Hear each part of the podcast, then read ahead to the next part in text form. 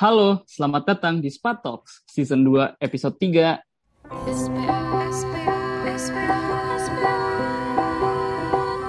Selamat datang di SPA Talks. SR Takeover. Halo semua. Halo, halo. halo.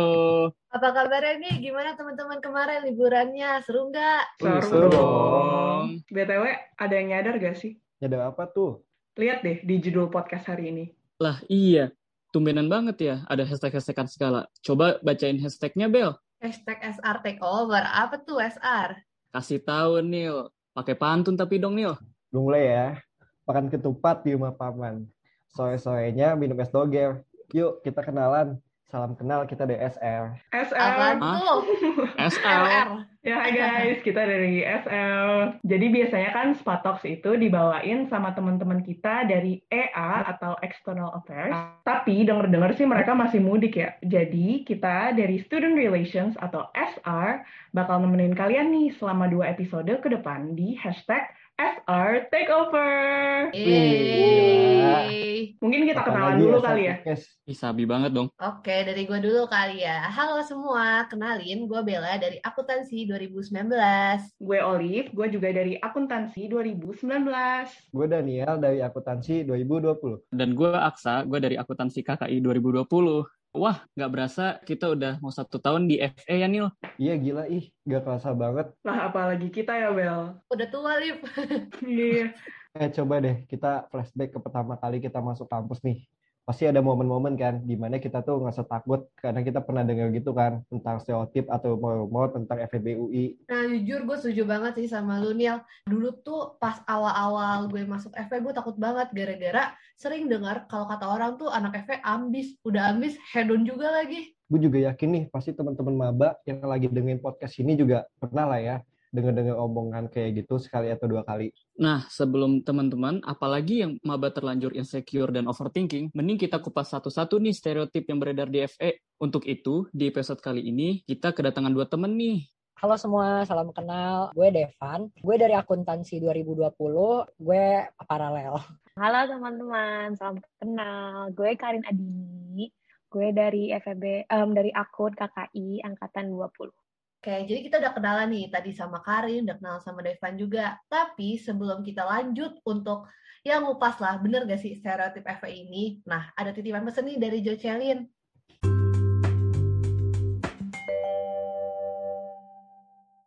Oke, jadi segmen pertama adalah fakta atau mitos. Sebelum kita mulai ke fakta atau mitos, jelasin dulu coba Sa. Oke, boleh. Kemarin kan kita udah survei nih ke teman-teman buat nanyain stereotip apa yang menurut teman-teman paling sering beredar di FEB UI. Nah, langsung aja kali ya kita kupas stereotip yang pertama. Stereotip pertama nih yang paling sering didengar sama teman-teman tentang pergaulan di FEB UI. Nah, pasti kalian pernah dengar kan kalau di FEB UI itu anak-anaknya tuh hedon. Udah hedon tuh banyak yang apatis lah segala macem. Nah, gue mau nanya nih buat Pak Devan dulu kali ya. Menurut lu itu fakta atau mitos ya? Oke, em, jadi sebenarnya tuh kalau ngomongin head on, itu sebenarnya balik lagi gak sih ke preferensi anak-anak kayak gitu kan. Jadi mu- mungkin eh, maksudnya mungkin kalau misalkan eh, kalian yang tinggal di daerah Jabodetabek gitu, ketemunya tuh kan pasti makan atau enggak jalan gitu kan. Dan ya mungkin untuk tempat mainnya ya mungkin emang agak perlu cost gitu loh. Kalau sebenarnya ngomongin head on, gue nggak nggak bisa bilang itu head on sih karena sebenarnya balik ke preferensi orangnya aja. Mungkin emang tempatnya mahal atau apa. Kan kita nggak tahu juga ya. Siapa tahu dia emang nggak tahu kalau ternyata apa ada tempat lain selain tempat yang mereka tentuin itu gitu loh. Dan menurut gue kalau untuk ngomongin head onnya mungkin intensitas mainnya aja kali kayak kalau mereka sering main atau apa. Nah itu biasa orang-orang pada bilang head on kan gitu. Tapi ya sebenarnya untuk fakta atau mitosnya menurut gue berdasarkan pengalaman gue sih itu fakta sih. Karena gue pribadi nih gue main gue main juga karena kebetulan kan rumah gue itu kan bukan di Jakarta kan gue di BSD sih. Dan gue tuh untuk pergi nyamperin teman-teman gue aja itu udah perlu cost juga kan dan ke tempatnya itu kan juga pasti makan dan makannya juga makannya juga di tempat yang tertentu lah kafe-kafe atau misalnya restoran gitu jadi ya menurut gue itu ada benernya juga sih karena dalam seminggu gue bisa main bisa sampai tiga kali atau empat kali Banyak juga ya. Nih, sekarang buat Kawin deh ya. Gue pengen nanya buat Kawin. Vin, lu pernah dengar sih Vin kalau anak-anak di FEB UI itu apatis? Menurut lu itu bener apa enggak? Um, it's like it all depends on your friends. Kalau misalnya your peer itu baik dan kayak I think if it's like your peer itu gede, pasti bakal kayak bikin jadi smaller peer gitu loh. Jadi kalau soal kayak individualis atau enggak, it's like tergantung lu sendiri atau enggak tergantung kayak teman-teman lu gitu. Mungkin ada emang itu kayak emang personality-nya dia aja gitu, bukan kayak itu kesalahan dia juga. Gila, bener banget sih, Win. Gue juga setuju sih. Jadi menurut lu gimana nih? Kayak Jadi anakku kayak- itu apatis gak FEB khususnya? Menurut gue lebih ke mitos sih. Nah, jadi eh, kalau dari segi pergaulan, FEB UI Hedon itu, kata Devan itu, itu bu- bukan mitos, itu fakta. Gue juga merasa gitu sih. Nah, kalau soal apatis sih, teman-teman gue kebetulan tuh kayak baik ya. Kayak peduli gitu loh, misalnya gue kesusahan bikin PL gitu, gue kayak bisa eh, minta tolong mereka gitu. Nah, jadi tadi kan kita udah bahas fakta atau mitos pertama nih. Segmen selanjutnya kita bakal main namanya Truth or Truth, mulai dari Devan kali ya. Tadi kan kita udah singgung sedikit stereotip mengenai pergaulan di FEB UI. Nah, sekarang masih tentang pergaulan sih. Lo pernah nggak sih nge-encounter di FEB UI yang namanya tuh fake friendship? Oke oke. Eh, jadi sebenarnya kalau untuk fake friendship apa ya menurut gue siapa sih yang enggak gitu loh. Tapi tapi sumpah ini maksud gue bukan eh, bukan jadi ngejelekin orang atau ngejatin orang ya. Tapi lebih kayak nggak berani ngomonginnya aja sih. Kalau di sekitar gue kayak gitu. Jadi gue pribadi gue pernah lah eh, nggak serak atau kesel gitu sama orang yang even itu teman gue sendiri. Tapi gue di sini kayak mikir gitu eh, kalau misalkan gue di posisi dia gitu loh kayak misalkan tuh kelakuan dia menurut gue udah nggak kuat banget. Terus gue sembarangan gitu ngomong ke dia gitu loh. Kayak ini gitu. Dia kan jelek banget lah gitu kan. Terus gue ngebedain aja di posisi dia kalau gue digituin gue bakal sakit hati gak gue sih pasti bakal sakit hati gitu. Jadi gue eh, lebih milih buat mendem itu aja dan jujur gue mungkin bakal cerita ke orang lain gitu Eh, walaupun so far belum ada sih di FE orang yang bikin gue kayak gitu. Cuman kalau misalkan untuk di sekitar ya pasti ada. Dan gue remain silent aja karena emang ya itu merugikan orang lain kan bukan merugikan gue. Oke, nah jadi kayak yang tadi Aksa udah sempat singgung tuh di awal, kalau kita tuh sempat ngadain eh, survei nih ke teman-teman.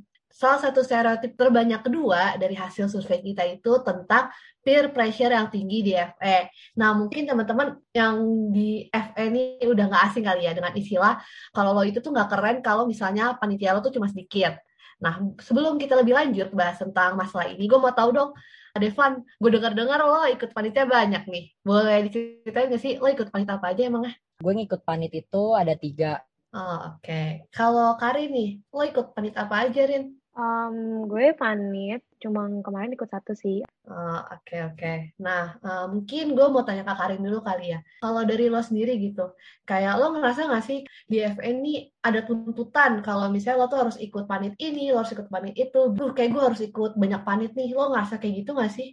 Um, dulu pertama-pertama iya, karena kayak gue tuh, gue tuh dulu di sekolah nggak yang kayak panit-panitnya nggak banyak gitu loh di sekolah. Jadi kayak pas gue kayak expose ke panit-panitan tuh semuanya tuh pada kayak, oh gue mau daftar ini, ini, ini, terus banyak banget gitu. Jadi gue kayak, oh atau gue harus juga daftar juga ya.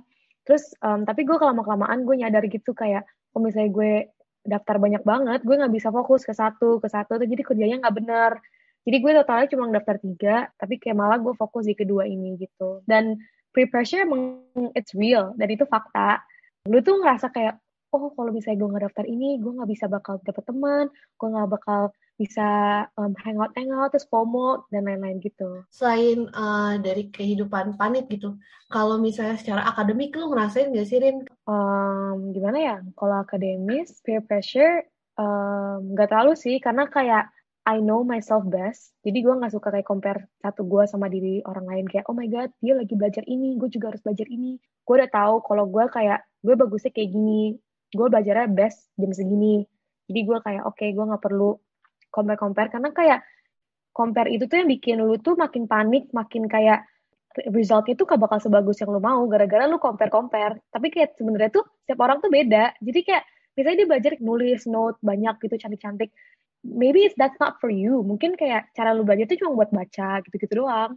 Jujur, gue salut banget sih sama lo. Ada kesadaran dari diri kalau misalnya kita tuh punya ya capability masing-masing lah, nggak harus ngikutin kayak teman-teman. Karena ya menurut gue nih di sekarang ini tuh masih banyak banget orang yang masih ngeliat dari teman-temannya kayak gimana, terus jadi kayak, aduh kayak gue harus ngikutin nih, jadi jadi mengabaikan apa ya kemampuan dia tuh sebenarnya tuh nggak harus sama kayak yang di lingkungan sekitarnya. Nah, coba nih, gue mau tanya deh ke Devan. Uh, tadi kan lo udah sebutin lo ikut tiga panit ya kalau nggak salah Dev. Kayak lo dari semester satu udah banyak-banyak ikut panit kan. Nah, lo ada nggak sih kayak, duh gue nggak teman-teman gue nih pada daftar panit organisasi ini, daftar ini itu. Nah, apa kayak lo ada rasa kayak gue juga harus ikutan kah? Atau kayak lo daftar karena kemauan lo? Uh, jujur sebenarnya kalau misalkan untuk mendaftar itu uh, sebenarnya 50 enggak 50-50 sih. Kayak mungkin uh, 75-25 ya. 75 itu emang keinginan dari gue sendiri. Tapi 25-nya mungkin karena dorongan dari orang sekitar gue. Karena gue ngelihat gitu uh, orang sekitar gue tuh pada daftar. Dan gue yang tadinya berpikiran cuma pengen doang itu jadi ngedorong gue buat buat cepet-cepet daftar sih. Uh, kalau misalnya secara panit berarti ya lo sosok lah ya. Iya nggak sih Dev? Iya, sosok lah. Jadi ya emang kemauan gue, tapi mau gue itu bakal terlaksana kalau gue didorong sama orang sekitar gue juga. Malah jadinya kayak motivasi diri lo gitu gak sih? Iya, motivasi diri gue. Oke. Okay, gue juga nah. gak tahu sebenarnya itu gue apa gara-gara gue FOMO atau apa, tapi gue gak ngerasa FOMO juga, cuma kayak harus ada orang yang ngedorong aja gitu. Hmm. Oke, okay, bagus sih jadi motivasi. Kalau misalnya secara akademik, lo ngerasa gak sih ada peer pressure dari lingkungan lo? Kalau peer pressure academically itu uh, gue jujur setuju sama Karin. Tapi gue nggak know myself best sih. Tapi gue lebih ke milih buat bodo amat. Maksudnya bodo amat itu dalam artian gue punya nilai gue sendiri gue ujian pakai uji, pakai hasil kerja gue sendiri. Jadi gue kayak milih buat nggak nggak nggak mau tahu gitu tentang orang lain. Entah itu cara belajarnya entah itu uh, nilai mereka. Karena menurut gue itu yang sebenarnya jadi pressure-nya gitu yang pressure yang ada di peer itu tuh hadir dari dari situ gitu dari ke, keingintahuan gue yang terlalu berlebihan sih jadi gue juga misalkan temen gue belajar ini temen gue belajar itu gue nanya pasti lo belajar apa gitu tapi untuk gue pengen ikutan belajar atau enggak itu balik ke diri gue gue lagi pengen atau enggak karena gue juga belajar itu mut-mutan kayak kalau gue pengen ayo kalau gue enggak ya udahlah gitu. oke okay. kalau bisa in conclusion nih menurut lu deh jadi hmm. tuh peer pressure tinggi di FE itu fakta atau mitos peer pressure tinggi menurut gue itu mitos. Kalau dari Karin, gimana Rin? Fakta atau mitos? Uh, mungkin kayak pas pertama-pertama, lu bakal kira itu fakta. Pas bener-bener mulai kuliah nih, kayak, oh peer pressure gitu. Karena kan lu, you're trying to make as many friends as possible. Jadi mau temenan di sini, temenan di sini gitu. Tapi kayak lama-kelamaan, itu bakal jadi mitos sih. Karena makan lama-kelamaan juga kayak Deva tadi bilang, kayak makin bodo amat. Kayak ya udah, dulu gua-gua udah. Oke, nah mungkin gue bisa ngekonklusin kali ya dari apa yang Karina sama Deva ngomongin. Jadi mungkin bagi teman-teman di sini yang dengerin masih maba atau mungkin yang baru masuk FE, pasti ngerasa kayaknya ini fakta. Karena awal-awal juga gue ngerasa kayak, duh gila gue ngeliat orang-orang kok pada keren-keren banget ya. Kayak gue ngerasa ada tuntutan dari diri gue tuh juga harus nge-achieve yang sama atau bahkan lebih dari mereka. Tapi seiring jalannya waktu, apalagi kayak sekarang gue udah semester 4, udah mulai-mulai masuk tahun tua tuh ya benar banget sih. Orang-orang tuh makin lama udah mulai kayak ya udah cuek. Dan sebenarnya lebih ke nanamin ke diri lu sendiri sih. Ya lu tuh punya kelebihan sendiri lah dibandingkan orang lain. Nah mungkin lanjut nih ke pertanyaan truth or truth kedua Hai, kita ke truth or truth kedua. Jadi kan tadi kita udah bahas tuh tentang pergaulan, tentang peer pressure. Tapi sebelum kita masuk ke fakta atau mitos ketiga, gue pengen nanya nih ke Karin. I'm sure kalian udah familiar gak sih sama istilah trapper? Jadi uh, bagi pendengar-pendengar yang nggak familiar, trapper tuh kayak misalkan ada orang dia ngaku nggak belajar padahal dia belajar, atau dia ngaku nggak ngerjain tugas padahal dia ngerjain. Nah, buat Karin nih, mungkin agak confession time kali ya. Lo pernah nggak sih nggak belajar atau nggak ngerjain tugas, tapi padahal lo belajar atau ngerjain? Atau malah lo pernah nemuin orang yang kayak gitu? Um, gimana ya? Kayak kalau gue, gue orangnya open aja sih. Karena gue yang kayak udah, like, nggak apa-apa gitu. Karena mau bantu orang aja. Kayak kalau misalnya dia struggling, kan gue bisa bantu dia gitu dari jawaban gue. Terus gue kalau misalnya mereka emang ada kesusahan, kayak, oh tolong jelasin ini, gue bakal jelasin. Bener-bener dengan kemauan gue sendiri gitu mereka nggak usah yang kayak gue nggak bakal kayak ah tunggu dulu ya tunggu dulu ya. Karena gue nggak yang pelit soal um, knowledge or something like that gitu. Menurut gue nggak usah pelit juga. You not get you not losing anything. Walaupun pernah kayak misalnya temen gue kayak oh, nggak belajar nggak belajar dapat nilai bagus paling gue kayak joke kebalik aja kayak dasar lu taper tapi kayak tapi itu kayak selalu bercandaan gitu nggak kayak nggak ada hard no hard feelings gitu. Tapi kalau ya udah. Tapi untuk kalau lo bisa ngomong nih ke semua trapper-trapper yang ada di sana, what would you say gitu? lu tuh nggak usah selfish kayak gitu. You're not losing anything. Malahan lu didoain sama orang-orang kayak, ah makasih banget udah bantuin gue, udah mau kayak kasih gue jawaban. Kayak malahan lu didoain sama orang-orang di luar sana. Daripada lu disumpahin, mendingan didoain kan? Betul banget. Oke, jadi untuk truth or truth kedua itu bakal ngelit us ke fakta atau mitos ketiga nih. Coba Aksa, langsung aja kali. Ih, sabi banget. Nah, ini pertanyaan yang terakhir nih guys. Buat Devan dan Karin, emang bener ya anak FE itu ambis? Oke, ngomongin anak FE ambis, jujur iya. Ambis banget.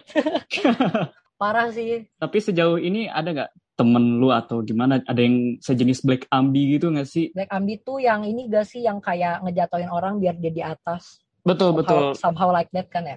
Iya betul. Nggak okay. pernah sih nemu yang kayak gitu ya. Karena itu itu hal ter apa itu ter itu itu itu licik banget parah yeah, banget yeah, yeah. banget sih menurut gue.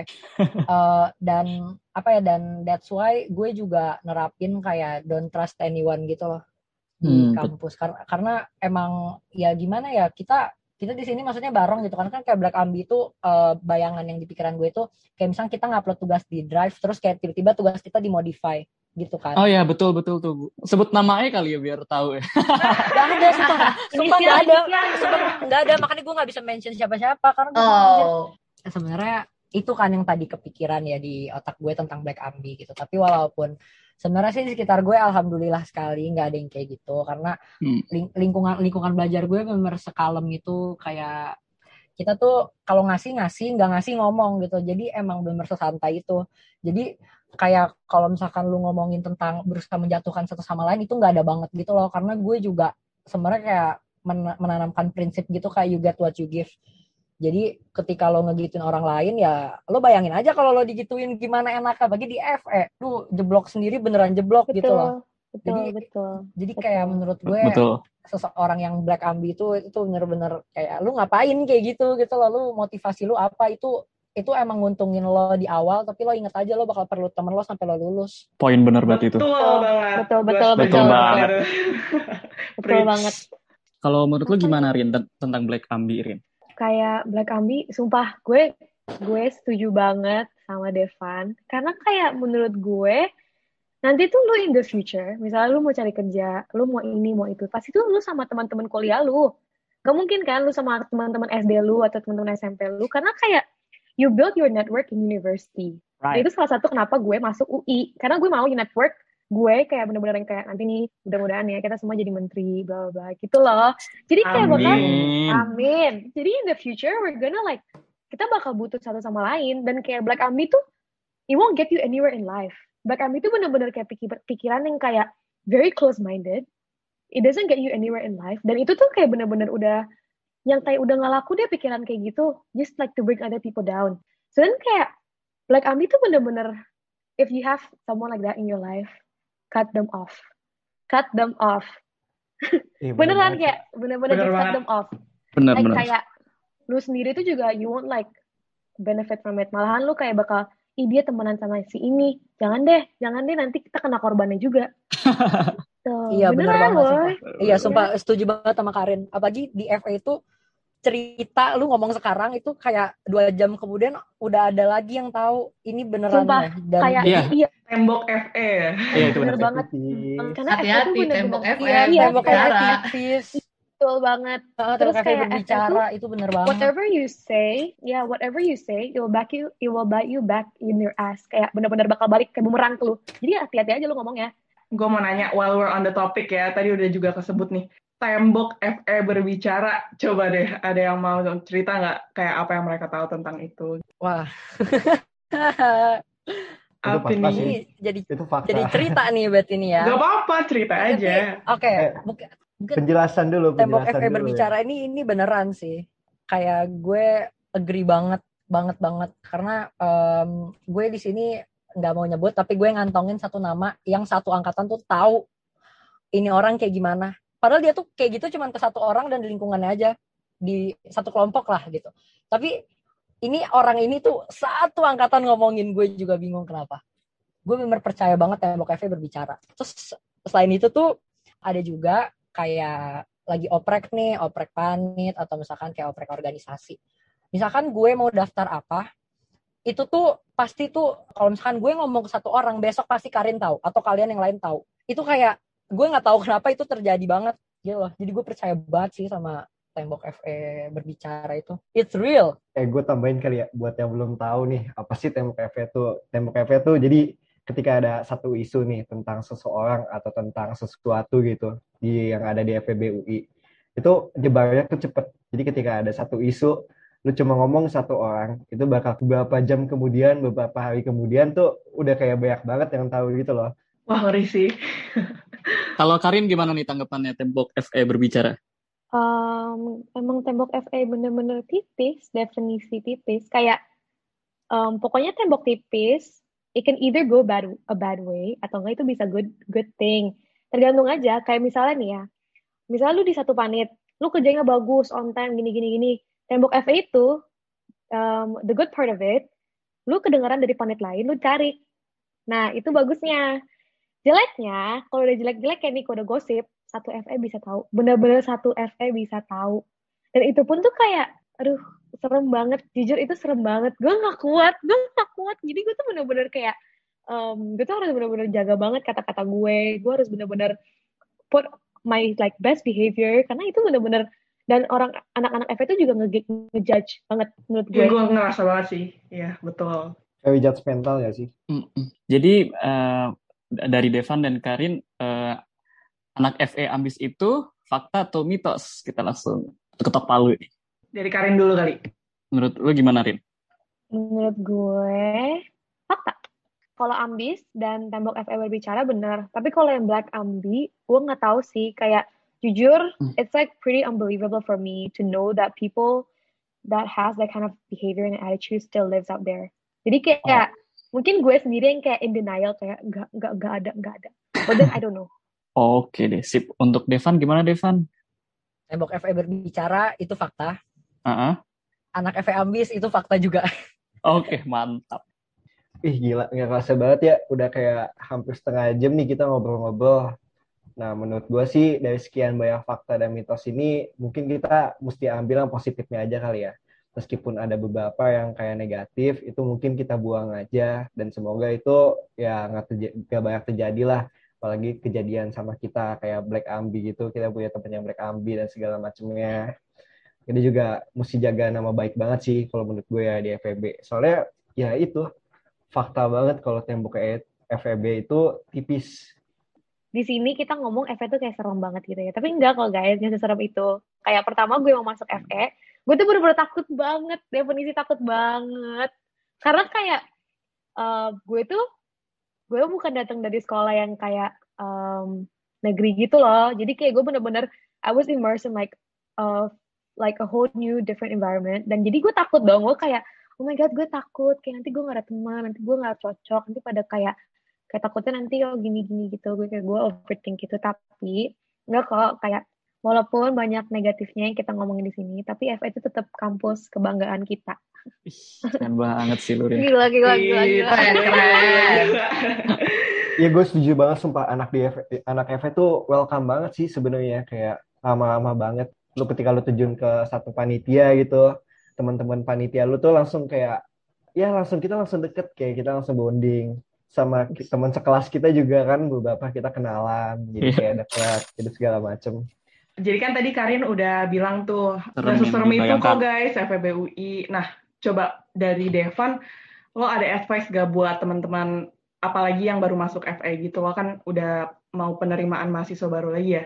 Ada yang mau lu disclaim atau lu mau saranin gak ke mereka sebagai orang-orang yang baru nginjek kaki mereka nih di lingkungan kampus FEB UI? Oke, mungkin um, pesan gitu ya jadinya ya. Uh, sebenarnya dari cerita yang tadi gue omongin itu nggak sepenuhnya buruk kok. Kayak itu itu itu cuman kayak pahit-pahitnya dan kayak sisi gelapnya aja gitu di, di lingkungan pertemanan khususnya dan akademis di FE tapi selain itu bener asik banget, seru banget, kayak bondingnya tuh kuat banget menurut gue. Dan gue juga uh, bener-bener dapat banyak banget value gitu loh dari pertemanan di FA itu walaupun beragam ya. Tapi di situ gue bener kayak ngerti value seorang apa maksudnya jadi seorang teman dan mempunyai seorang teman itu baga bagaimana itu gue belajar banget di FA gitu loh. Jadi kalian semua kalau misalkan gak denger yang tadi itu kayak kalian gak usah takut karena itu cuma sebagian kecil sebagian besar itu seru banget. Pokoknya bener seru banget. Kalian yang mau masuk FA kalian gak akan nyesel. Kalian pasti seneng banget.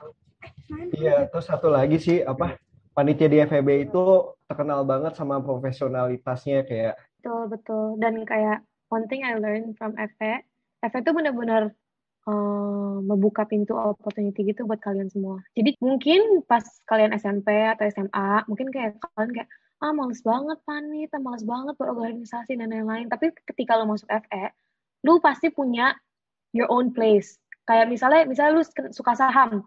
Ada panit saham ada semuanya. Misalnya lu suka sports, ada kan sports. Jadi kayak kayak it's all in here and it's all provided for you.